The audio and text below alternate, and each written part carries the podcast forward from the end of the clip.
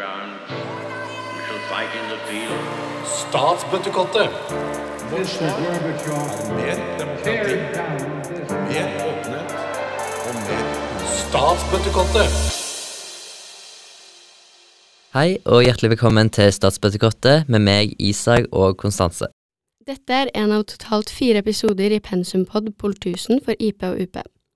Dette er en podkastserie som skal forsøke å oppsummere pensum i faget. Jeg vil også minne på at disse episodene kun er et supplement til, og ikke en erstatning av lesing av pensum og forelesningene som blir holdt i faget. Eh, Med oss i dag har vi professor Gunnar Ferman. Han er professor i statsvitenskap på NTNU for sosiologi og statsvitenskap her på NTNU. I tillegg er han vår foreleser i Pol 1000, eh, hvor du også får applaus etter hver forelesning. Velkommen til oss, Ferman. Eh, takk for at du sier at du å bli med. Jo, hyggelig å være her. Og så lurte vi på hvorfor begynte du å interessere deg for statsvitenskap? Det er langt tilbake. Jeg var interessert i samfunn. Hva foregikk rundt meg? Jeg var nysgjerrig per på den type ting. Og jeg fikk anledning til å reise i Sør-Amerika et lite år, da, rett etter videregående. Og da tenkte jeg dette skal jeg drive med. Alternativet var å bli flink til å spille fiolin. Men etter det året i, i Sør-Amerika så kjentes ikke fiolinen som en naturlig del av armen lenger. Så da ville jeg studere statsvitenskap. Denne episoden skal handle om utenrikspolitisk handlingsrom, interesser og virkemidler. Først slår de på hvilke premisser som ligger til grunn for eh, hva stater kan foreta seg på den internasjonale arenaen. Ja, det er jo et ganske stort spørsmål, og jeg er jo vant med å få, fatte meg i korthet. Skal gjøre et forsøk denne, denne gangen òg. Altså, jeg tror dette henspeiler på hvordan uh, bruker vi utenrikspolitisk analyse i praksis, for jeg tror nemlig at uh, utenrikspolitikere gjør det også. Jeg spurte nemlig eh, Jonas Gahr Støre da han var her oppe i 2011, han var utenriksminister Nei, det var litt senere. Uh, jo, han var i 11. Eh, jeg spurte ham hvordan reagerer dere når dere får inn en utfordring i innkurven deres i UD? Et problem eller en mulighet, liksom? Jo, eh, da, da spør vi om vi kan gjøre en forskjell. Det er det første vi spør om. Det andre vi spør om, er hva er i norske interesser å gjøre. Og det er som tatt rett ut av boka mi på, fra utenrikspolitisk analyse. Eller enhver bok om utenrikspolitisk analyse. Og det er veldig betryggende at de tenker sånn som vi tror de tenker. Det kan også være sånn at han eh, snakket oss etter munnen. Det er de svarene de vil ha, da. Så vi må være litt kildekritiske også. Men, men jeg tror faktisk det var genuint. Eh, fordi eh, de kan ikke tenke så annerledes enn eh, vår lesning av utenrikspolitikk. Det er helt grunnleggende.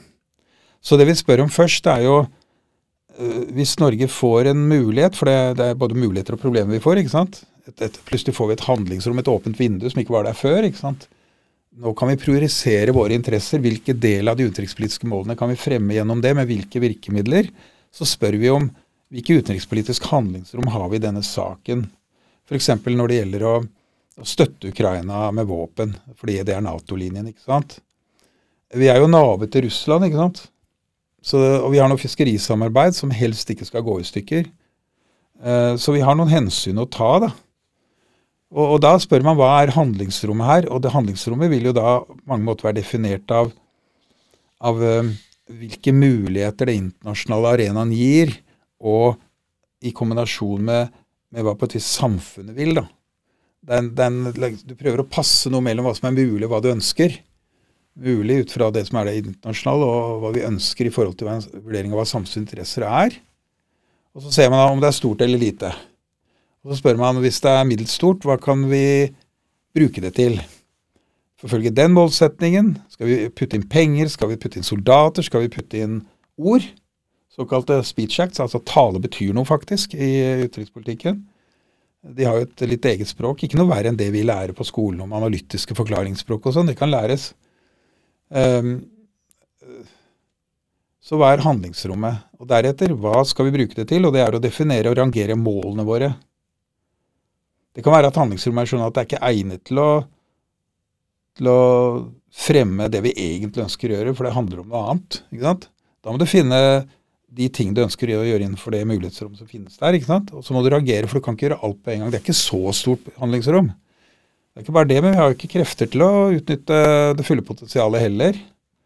Og vi kan klare det i to uker, men kanskje ikke i 20 år. ikke? Så, så må man tenke. Forholdstall her, altså. Forholdsmessighet. Eh, og så er det et spørsmål hvordan skal du gjøre det. Det har med sekventering å gjøre, kombinasjon med andre ulike virkemidler, som jeg har snakket om. Hvor mye, selvfølgelig også, som vi allerede har snakket om. Og så er det hvordan skal du forklare denne utenrikspolitikken. Og det gjør du gjerne Utenrikspolitikken foregår gjerne litt skjult, da. De av oss som følger med på det, for oss er det ikke skjult. Og noe er selvfølgelig skjult for oss også.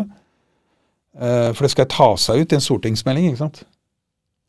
Du signaliserer både for forskerne, du har for egen befolkning som ikke leser stortingsmeldinger, men eh, kanskje det refereres i avisen, og for russere og New York og London og Paris som har noen som følger med på det. Hvem da? Ambassadene, selvfølgelig. De skriver små noter nedover hele tiden. Så er det kult når uh, Wikileak da, viser det fram av og til. Ikke så kult for han som uh, gjorde det, men likevel for oss andre. Og så iverksettes det. Og så ser vi at det kan være et misforhold da, mellom mål, midler og iverksetting. Det kan ha med ressursmangel å gjøre, at, uh, eller at uh, omstendighetene endret seg. Poenget med utenrikspolitisk analyse er at vi kan oppdage det. da, ikke sant?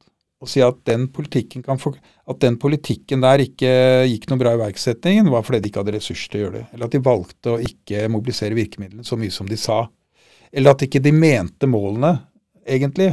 Det var de offisielle målene, og så forfulgte de noe annet for å lure noen. Ikke først og fremst for å lure eh, velgere og sånn, men det er jo ikke alt som passer å fortelle alle. Det er nærmest som å drive et selskap. Du kan ikke gi bort forretningshemmelighetene dine. Men én ting er sikkert, og det er at uh, Russerne vet mer, mye mye mer om norsk utenrikspolitikk og hva vi driver med, enn den vanlige norske borger. Fordi de har, de har uh, institusjonalisert overvåkningen av norsk politikk. Akkurat som vi har også gjort det gjennom disse ambassadene våre. Og Der har ulike stater ulik kapasitet, selvfølgelig. En ting er å samle inn informasjonen. En annen ting er å forstå hva den betyr. Så du kan øke og forbedre handlingsrommet ved å ha god analysekapasitet gjennom å finne mer informasjon men du må ha tid og mulighet til å analysere og si hva det kan bety, på en rimelig måte. Mange stater har jo veldig dårlig utbygd dette apparatet. Intelligence, analysekapasitet. Mange har jo ikke ambassader i andre land engang, ordentlig. Um, så um, andre måter å øke handlingsrommet på, det er jo det er jo å alliere seg med andre land. Nå er vi allerede alliert med Nato. men Det kan handle om å f.eks. gi eh, Nato baser i våre land. Det kan øke handlingsrommet vårt i visse tilfeller, men det kan også begrense det. For det er ikke våre soldater. ikke sant? Hadde vi hatt uh, Finlands kapasitet til å beskytte eget land, så hadde vi ikke trengt å gjøre det. Man lurer jo av og til hvor mye vi bestemmer av dette selv. Det er tøft å få besøk av en amerikansk utenriksminister å si nei til ham. Det er, det er nesten en konfrontasjon. Så vi vet, vi, vi kjenner jo Melos, ikke sant. Vi, vi vet at vi ikke at vi blir lagt i grus, men det er andre måter å gjøre det veldig vanskelig. Uh, en ytterligere måte å påvirke positivt av handlingsrom på, når vi tenker sånn til støtte for norsk utenrikspolitikk, det er jo naturlig, da. Altså, Vi er nordmenn. Jeg, er med, jeg heier ikke på alt, selvfølgelig. Libya syns jeg var, var, ble helt feil, men, men uh, jeg vil at Norge skal gjøre det bra. Helst oppføre seg bra også. En måte å gjøre det på er å benytte erkjennelsesdreiende teknikker. Vi snakker om politisk kommunikasjon, og dere ser nå hvordan utenrikspolitisk analyse blir tverrfaglig. Man tar igjen politisk psykologi på individnivå også, ikke sant? For å forklare hvorfor individer kan påvirke beslutninger. De har jo sine forestillinger, sine kognitive evner, sine slagsider. ikke sant? Det påvirker. De er filtre. De kan ikke forandre åpningsvinduet som verden tilbyr, men de kan fortolke hvordan det skal utøves. da. Er det klimaet som skal gjøres til den store saken, eller er det noe annet? Eh, så de kan eh, påvirke sin egen opinion, f.eks. ved å selge narrativer, fortellinger, til avisene som de da har vinklinger på, som bekrefter det. Og Da nevner jeg statsstøtten til aviser. Noen er pinlig oppmerksom på at de får penger fra staten, og at de ikke skal altfor rare. Det foregår ikke bare i autokratiske land, dette her. Det er grader av forskjeller ute og går der. Da. Det er mye av de samme mekanismene, ofte litt mer elegante i vestlige land, da, som påvirker da befolkningen til å ikke vite, eller til å vite med en, med en spesiell vinkel. da. Så dette er ikke spesielt for, for enkelte stygge land. Det er mer eller mindre grader av det. Styring av informasjon. Da. Så er det en annen teknikk du kan bruke. Eh, ikke da, da, for å påvirke opinionen til å gi deg større handlingsfrihet utad. Det var det du har snakk om her.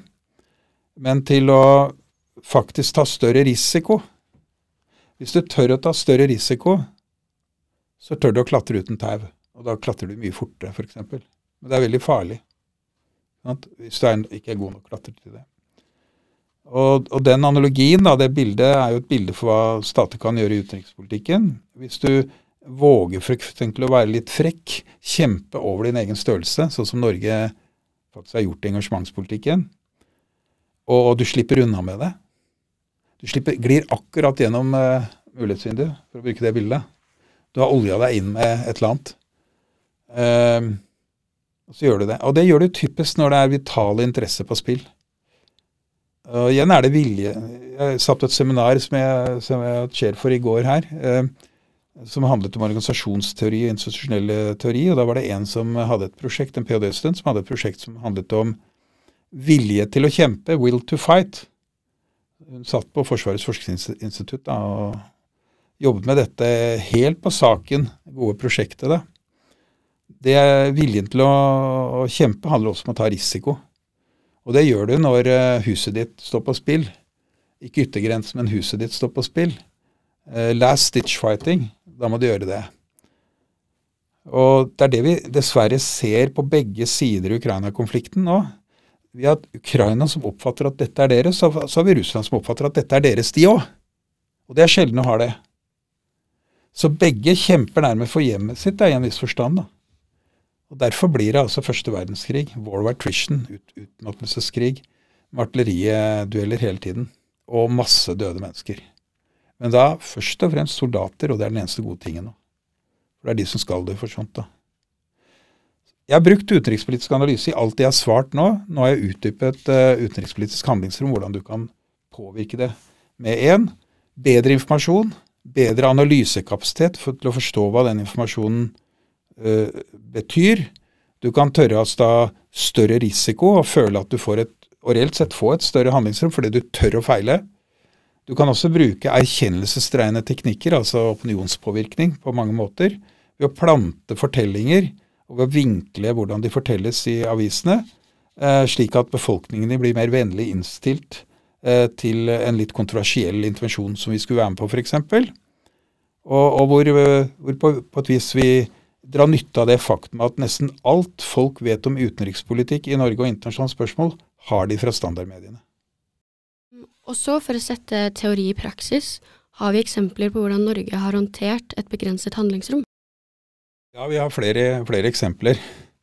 Et eh, jeg gjerne bruker i undervisningen, er eh, elektronsaken fra oktober 2005. Det handler altså om en russisk fiskebåt som drev tyvfiske i en sektor som eh, Norge kontrollerte på vegne av Norge og Russland da, i et disputert område, en gråsone hvor vi begge hadde rettigheter. da. Egentlig ueid, ueid sjø, kan du si. Hvor vi lekte da politibåt med kystvaktskipet og arresterte Elektron. Og Det var etter satellittovervåkning, så vi visste at de hadde gjort noe galt. De hadde overfisket. Tidligere så var det sånn eh, Hva heter det sånn man bare plukket noen tilfeldig. Man hadde ikke informasjon fra satellitter. Og så hadde de tyvfisket eller ikke, og det så man på hvor mye de hadde i lasten, hvor små fisken var, og hvor, brede, bred, bred, hvor finmasket dette nettet var. ikke sant? Så nå skulle de gå, gå løs på denne, arresterte de denne fiskebåten, da, og så satte de om bord to eh, fiskeriinspektører. da. En eh, garvet en, og en rekrutt da, som var ute med Forsvaret for, for Kystvakten er både politibåt og marinefartøy, avhengig av hva oppdraget er. Smart, ikke sant? Nå var det politibåt. Og det som skjedde, var jo at uh, de skulle da reise inn til Tromsø og bli satt opp til doms med helt sikkert en millionbot, et eller annet. Og, og, og skipperen ville miste jobben, og rederiet gå konkurs, og ingen ville være glad på den siden, da. Men dette var overvåkning av fiskeriressursene, som altså ikke måtte gå tapt. Det skulle gjenvinnes hvert eneste år, og det er russerne og myndighetene på begge sider enige om. Men det er likevel litt petent spørsmål at lille Norge arresterer en russisk fiskebåt. Den er ikke eid av staten, men likevel. Det er settingen. Så kjører de i retning Tromsø med kystvakten ved siden av. Og plutselig så finner Jarantsov, som er kaptein på denne båten, ut at dette vil han ikke være med på lenger. Så han, eh, han eh, setter de to fiskeriinspektørene i arrest, han. Og så legger han om kursen, og så kjører han av gårde mot Russland. Tøffing. Han har vært oppe i to-tre døgn allerede da. Eh, hva skjer da? Jo, da skjer det noe. Da ble plutselig Norges mulighetsvindu redusert. Handlingsrom redusert. Ganske eplekjekt, men med en kalkulert tanke bak. Så hadde vi brukt disse gode satellittdataene som en måte til å handle litt mer resolutt. da, Ta oss litt mer til rette, med retten på siden, nær sagt. eh, Og arrestert vedkommende. Det vi ikke hadde forventet, var at det skulle skje et initiativ fra kapteinen. ikke sant? Som hadde personlige motiver for å unngå å bli arrestert. Det kosta noen årslønner eller noe sånt, tenker jeg.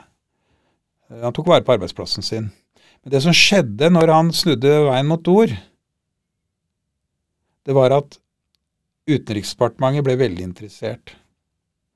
Hvem var det som hadde eierskap til saken så langt? Jo, det var Justisdepartementet. Det var en politibåt.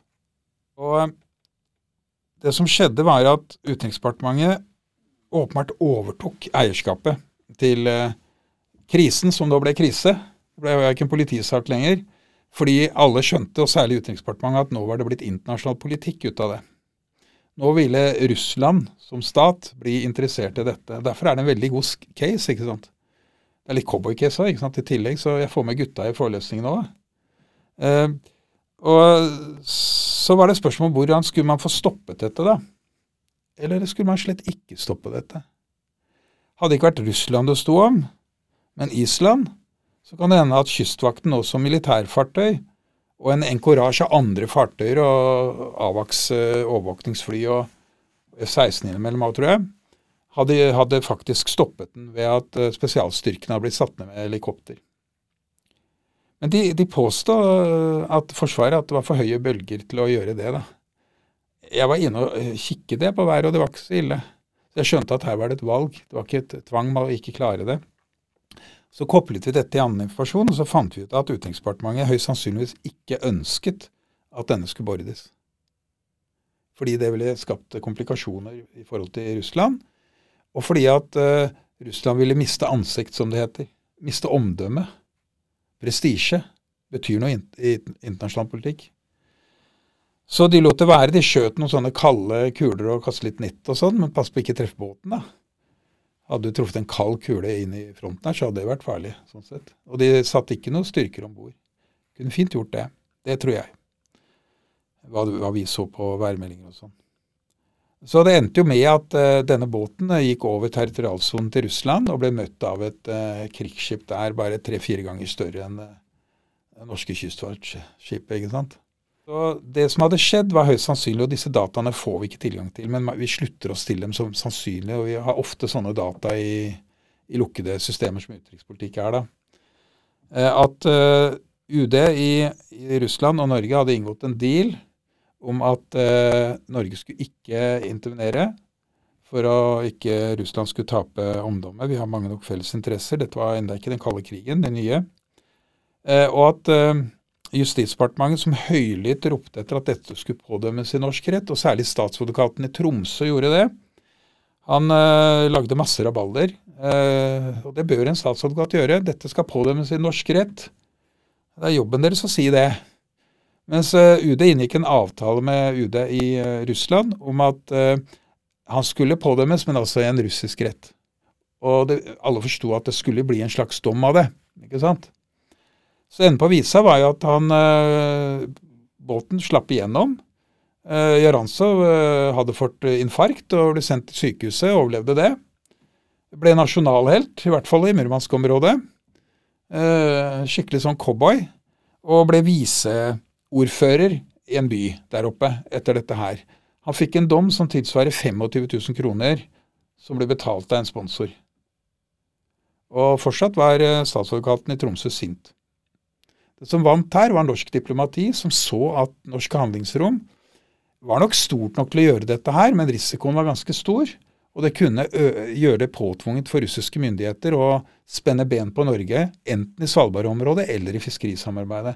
Det siste fungerer jo veldig godt. Og det ønsket egentlig ingen av partene. Og UD skjønte Jeg, jeg mente de op opererte riktig, faktisk. Eh, Litt atypisk meg å mene det om UD, men her tror jeg de gjorde det helt riktige.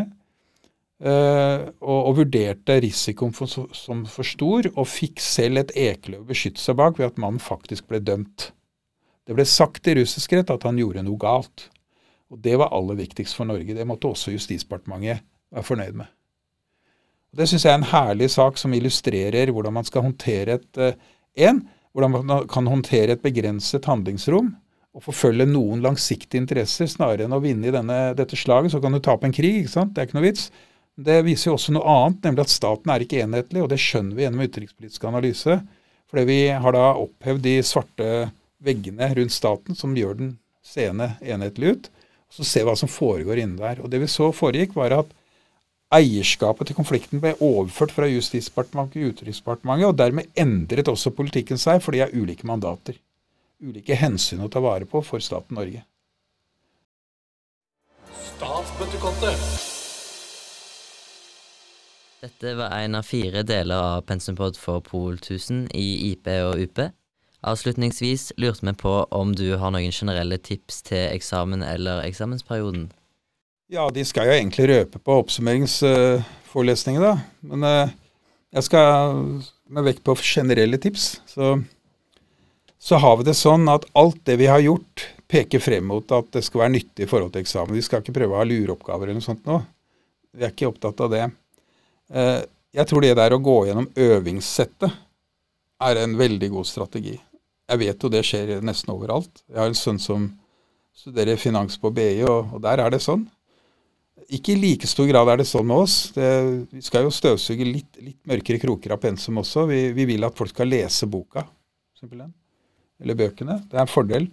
Men uh, skal dere operasjonalisere det og få det opp på en form som ligner eksamensoppgavene, så er det øvingsoppgavene. altså. Det er synkronisert. Ikke i den forstand at det ikke kan være et spørsmål eller to utenom øvingsoppgavene. Det kan være reformuleringer. Det kan være det kan være med et annet eksempel, eksempel f.eks. Istedenfor å snakke om makt, kan hende man snakker om uh, fred i de ulike teoriene. ikke sant? Den type sentrale begreper. da. Hvordan ser det ut gjennom ulike briller? Og noen har jo gjort uh, denne maktøvelsen, var det ikke det en av oppgavene? Semesteroppgavene var slik. Eh, prøv å kombinere ulike ting. Eh, tenk at det er, eh, det er jo KP-oppgaver, ikke sant? Og så er det IP-oppgaver, og så er det innenfor det også UP-oppgaver.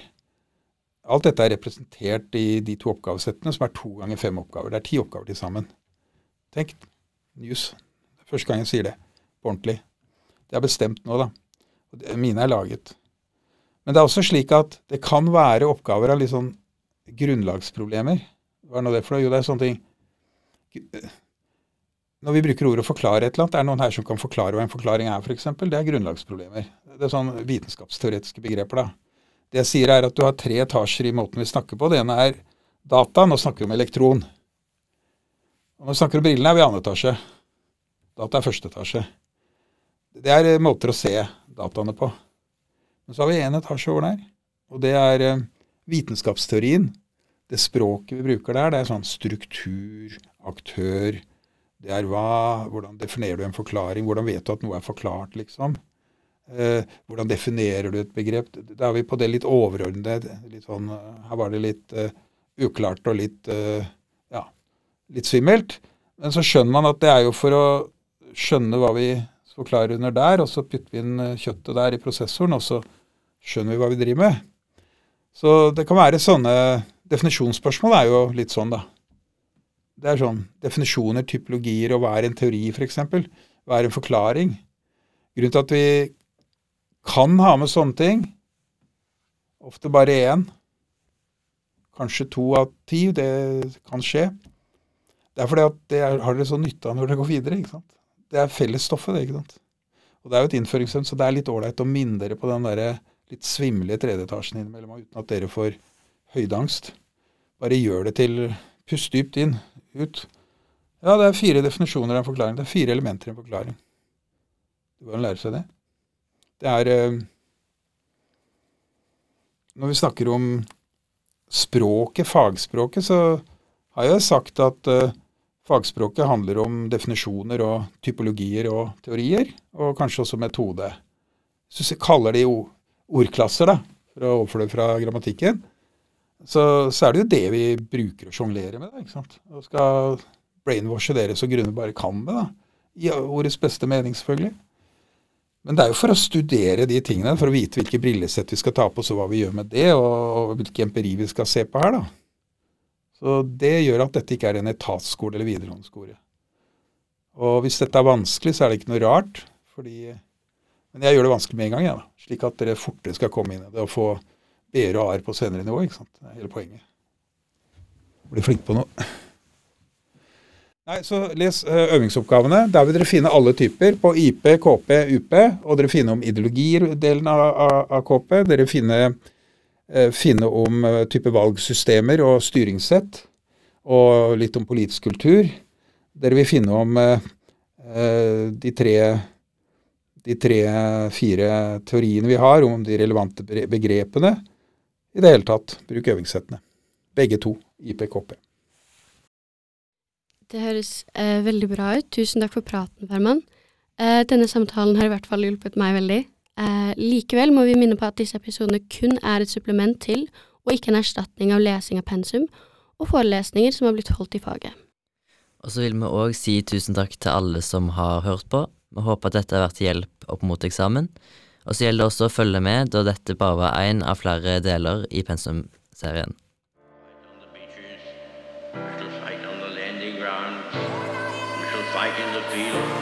Statsbøttekottet.